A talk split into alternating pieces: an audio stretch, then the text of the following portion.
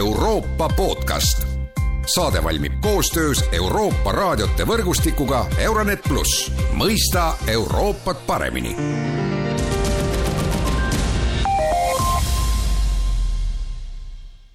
tere jälle kuulama Euroopa podcasti. Euroopa Komisjon avaldas teisipäeval uued soovitused, kuidas vähendada kasvuhoonegaase. Soovitusi on tulnud stuudiosse kommenteerima Euroopa Komisjoni Eesti esinduse juht Vivian Loonela, tere päevast! tere! ja mina olen Erkki Pahovski. no igasuguse soovituse, ettepaneku, seadusandliku algatuse puhul tuleb alati küsida, et miks just praegu ja, ja, ja miks niimoodi on, siis olgem nüüd täpsemad, et Euroopa Komisjon soovitab vähendada üheksakümmend protsenti kasvuhoonegaase võrreldes siis üheksakümnenda aasta tasemega, et miks siis praegu just see plaan on, et kas, kas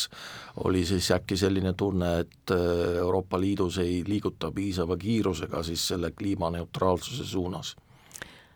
sellega on nõnda, et aastal kaks tuhat üheksateist, viis aastat tagasi, leppisid liikmesriigid kokku, et meie eesmärk on, et aastaks kaks tuhat viiskümmend on Euroopa Liit kliimaneutraalne.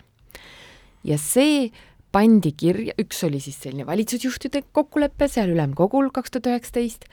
aga kaks tuhat kakskümmend üks lepiti see kokku ka Euroopa Liidu kliimaseaduses, kus pandi täpselt paika, mis on need mehhanismid, et sinna jõuda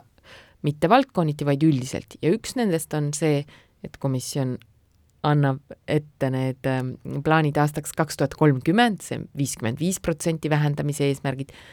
ja teine pool oli see, et kuidas liikmesriigid rakendavad neid asju, meil peavad olema liikmesriikidel oma kliima- ja energiakavad, sellega Eesti ka tegeleb praegu, ja kolmandaks oli seal siis tõesti kirja pandud selles kliimaseaduses, mille liikmesriigid ja Euroopa Parlament kokku leppisid nüüd kolm aastat tagasi, et nii kui on olnud esimene see Pariisi kliimakonverentsi ülevaatav ÜRO konverents, mis meil oli sügisel, kus ta oli Dubais või Kataris, ta oli nüüd Lähis-Idas, Lähis-Idas oli jah, siis äh, pärast seda poole aasta jooksul peab komisjon tulema välja esialgsete plaanide ja soovitustega just, ja siin ma rõhutaks seda sõna soovitus, aastaks kaks tuhat nelikümmend. ja nüüd seda siis liikmesriikide tahet komisjon järgiski. mida komisjon teinud on, on see, et siin koostati põhilik, põhjalik mõjuhinnang, konsulteeriti teadlasi, meil on eraldi teadus, teadlastest koosnev nõuandev kogu, kes siis soovitab komisjonile, mida teha, ja selle põhjal tuli komisjon välja sel nädalal siis nende sellise ülevaatliku soovitusega, et tõesti, me peame, et kui me võtame need kaks tuhat kolmkümmend aasta eesmärgid, need on kokku lepitud, miinus viiskümmend viis protsenti me teame, et kaks tuhat viiskümmend peame saama kliimaneutraalseks, miinus sada protsenti, siis sinna vahele, et see tõus oleks ühtlane, tähendab see, et aastaks kaks tuhat nelikümmend peame jõudma miinus üheksakümne protsendini äh, kasvuhoonegaaside eritamises võrd-, võrreldes aastaga tuhat üheksasada üheksakümmend. ja, ja see on see, mille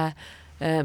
mis plaanidega see komisjon siis välja tuli, aga need on väga selgelt soovitused, täpselt samamoodi nagu viis aastat tagasi tuli tegelikult see eelmine Junckeri komisjon tuli välja juba selle kliimaneutraalsuse soovitusega. aga mida see soovitus siis täpselt tähendab, komisjon ei hakka ju karistama järelikult siis, kui ei. keegi nendest äh, eesmärkidest kinni ei pea? veel ei ole üldse me seal kaugel, praegu see on lihtsalt selline poliitilise raamistiku panemine, et nüüd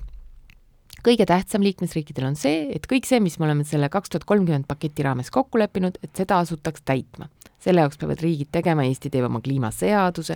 teeme selle kliimaenergia kava, mis läheb Euroopa Liitu ja seda peavad kõik riigid tegema.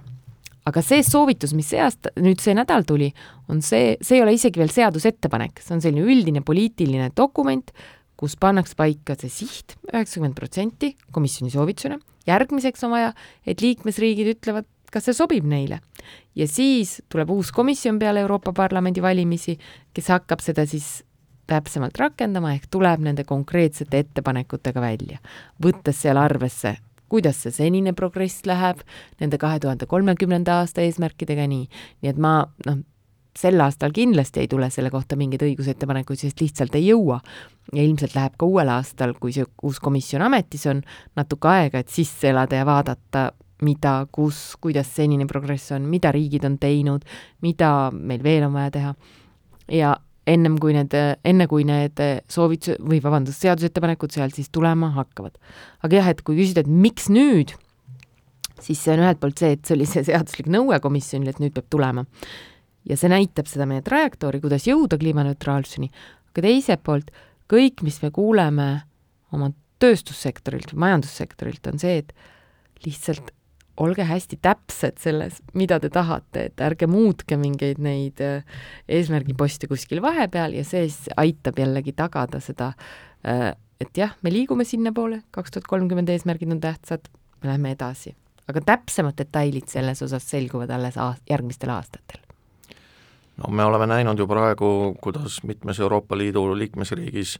põllumehed protestivad ja need ongi ju suunatud äh, peamiselt rohepöörde vastu. tõsi küll, ajakiri Politico ütleb, et põllumeestele tehti nendes soovitustes nüüd selline järeleandmine, et põllumehed ei pea äh, siis äh, neid kasvuhoonegaasidega nii palju võitlema, aga ikkagi see probleem on ju põhimõtteliselt olemas, et ei ole ju mingi saladus, et mõnes riigis on põllumajandus väga tähtsal kohal, ma mõtlen siin just ekspordi mõttes, näiteks Holland põllumehed küll ei moodusta elanikkonnast väga suurt numbrit, aga see-eest see põllumajanduslik toodang on väga suur äh, ekspordiartikkel ja, ja seega ka riigile suur sissetulekuallikas, et noh, kuidas siis seda vastuolu ületada? no täpselt, seal ongi nõnda, et äh, kui me vaatame nüüd seda kahe tuhande neljakümnenda aasta soovitust, siis seal põllumajandussektorit see ei kata seal ei ole juttu sellest, seepärast et see tõesti on muutunud praegu nii tundlikuks, mis komisjon on teinud, et paar nädalat tagasi viidi sisse selline uus strateegiline dialoog Euroopa põllumeestega, et saada siis nagu ühelt poolt äh, ma arvan, see ongi selline silla ehitamine, et meil on olnud nüüd viimased aastad, kus kõik need ettepanekud on tulnud, nendega on tegeletud, iga sektor peab tegema, ega selles mõttes põllumehed ei ole kuidagi, ei erine ju, et kui me vaatame transpordisektor või ma ei tea, energeetikasektor, majade ehitus, prügimajandus, kõik peavad oma muudatusi tegema äh,. Aga põllumeestel on selles osas olnud ilmselt siis veel topelt raske, et meil tõesti selle sõjaga on energiakriis igal pool äh, olnud või noh, energiahinnad on igal pool üles läinud äh,, inflatsioon on mõjutanud päris tugevalt seda nende tegevust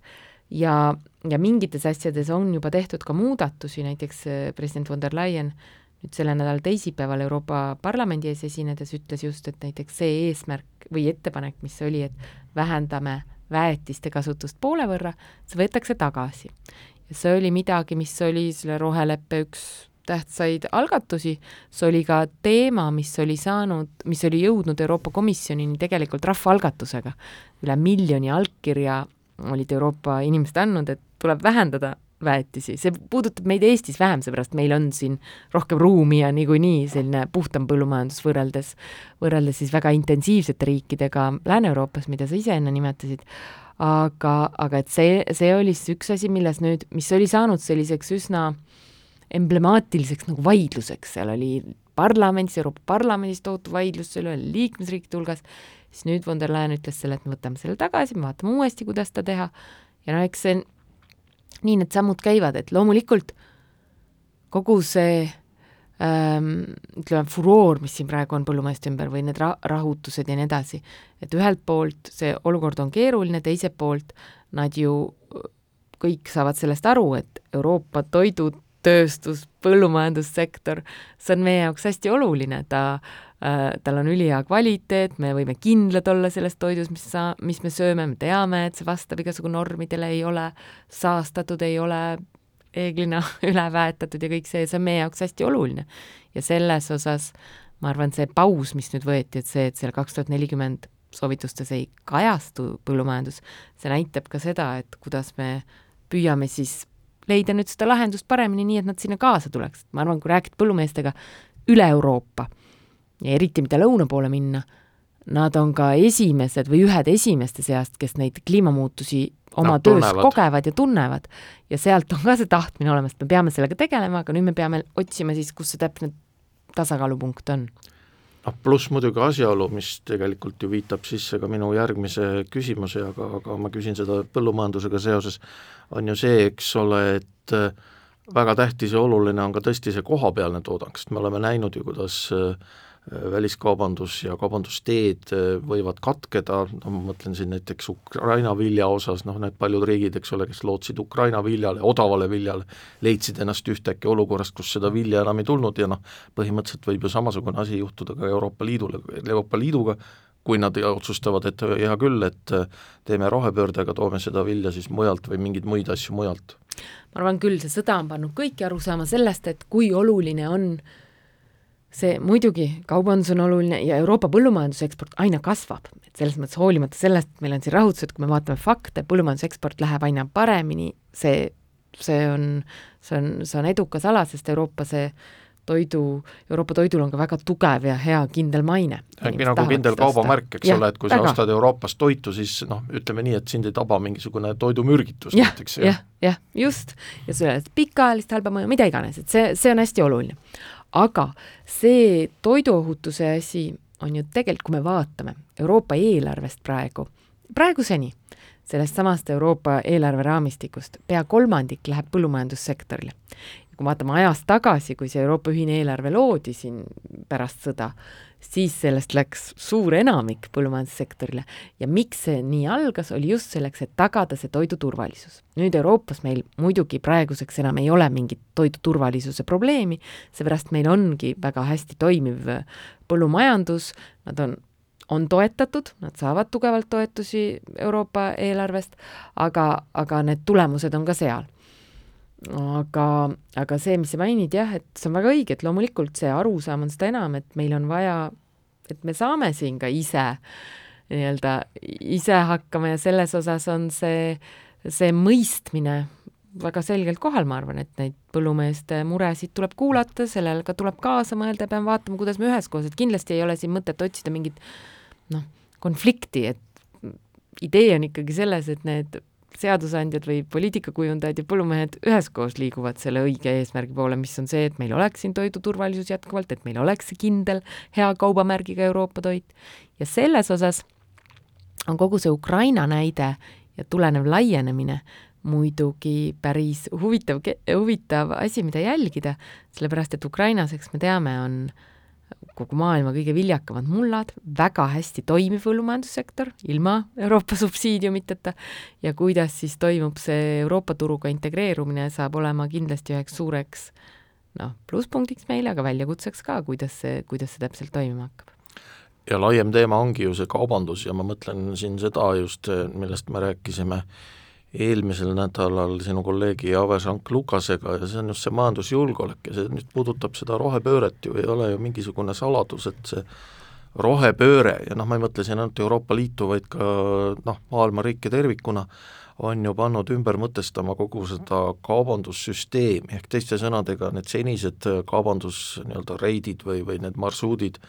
muutuvad, noh ma mõtlen seda, et noh, kiipide tehnoloogia, kiipe tuleb sisse tuua mujalt, haruldasi metalle, millest neid kiipe tehakse, neid tuleb sisse tuua mujalt, ehk teiste sõnadega see nii-öelda see sõltuvus mängitakse ümber, et kui vanasti, eks ole, sõltuti väga palju Lähis-Ida riikidest, kust tuli siis nafta, siis nüüd võib hakata sõltuma hoopis mingitest muudest riikidest, noh näiteks siin Hiina, eks ole, nii edasi, aga see tekitab ka kohe noh, poliitilisi probleeme, ehk teiste sõnadega see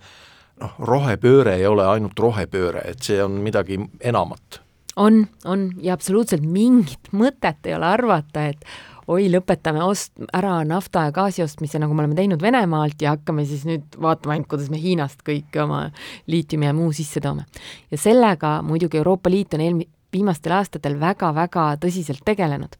kui vaatame kas seesama see maavarade kriitiliste maavarade arend-, noh, otsimine üle maailma. ühelt poolt on meil siis kokkulepped Austraalia, Tšiili, Argentiina, muude selliste samameelsete riikidega, kus me võime kindlalt olla, et meid ei hakata niivõrd, noh, kus meil on nagu selline sama, samameelsete ja samaväärsete äh, koostöö ja mitte selline teineteise või mitte nagu ühepoolne sõltuvussuhe. ja teiselt poolt kuidas me tegelikult leiame ka Euroopa Liidust needsamad allikad üle, üles, et meil on seesama see kriitiliste maavarade määrus, mis, äh,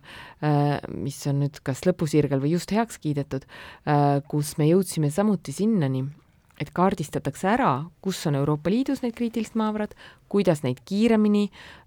kaevandada, kuidas me jõuame sinnani, et meil oleks, meie eesmärgid olid, kui ma nüüd mälu mind ei peta, et me kaks tuhat kolmkümmend aastal jõuame sinnani, et meil kümme protsenti nendest maavaradest, mida on vaja, mida me kasutame üldiselt mida meie tööstus kasutab, tuleks Euroopa Liidust ja suur osa oleks ka, isegi kui nad ei ole siis need värsked metallid, vaid need oleks ümber töötletud siin Euroopa Liidus, et meil on ju ka ringmajandus, meil on seesama meie enda tuhamäed Ida-Virumaal, see mida kõik tööstusettevõtted ütlevad, nad on täis seda Mendelejevi tabelit, et me peame oskama ja suutma sealt välja võtta, mida vaja. ja, ja teha seda nii ka mujal, mujal Euroopa riikides, et sellega on väga tugevalt te tegeletud. teine asi on see kiipide teema, mis on tänapäeva majanduseks, mõned ütlevad uus nafta, noh, seda võib mõelda kuidasmoodi seda kutsuda, aga hästi oluline osa meie majanduse toimimises ja mis me oleme Euroopa tasemel paika pannud, on siis ka ühelt poolt rahastus, teiselt poolt need eesmärgid, et kuidas me saame sinnani, et meil oleks jälle või nagu rohkem ja suurem toimiv kiibitööstus siin Euroopas, et see oleks koha peal. ja, ja siin on hea näide, ma mäletan, kui eelmise mandaadi ajal, kui me äh, digiküsimustes oli nende superarvutite mm, teema, et superarvutid, need, mis suudavad tõesti nagu meeletu kiirusega, meeletus suuruses arvutada, teha asju, neid ei olnud Euroopa Liidus ja siis pandi samuti, pandi Euroopa rahad kokku, hakati ühiselt arendama ja nüüd on top kümnes juba maailmas juba kolm Euroopa, kolm nendest Euroopa Liidus ja kõige suurem ja kliimaneutraalne on Soomes. nii et see, see on midagi, ma arvan, mis näitab, et kui me nagu seame omal need eesmärgid, tahe on olemas, see poliitiline reaalsus on muutunud, inimesed saavad aru, et seda on vaja, juhid saavad aru, et seda on vaja, küll see siis ära tehakse. aitäh, Vivian Loonena teemat kommenteerimast, see oli tänane Euroopa podcast, kõike head ja kuulmiseni!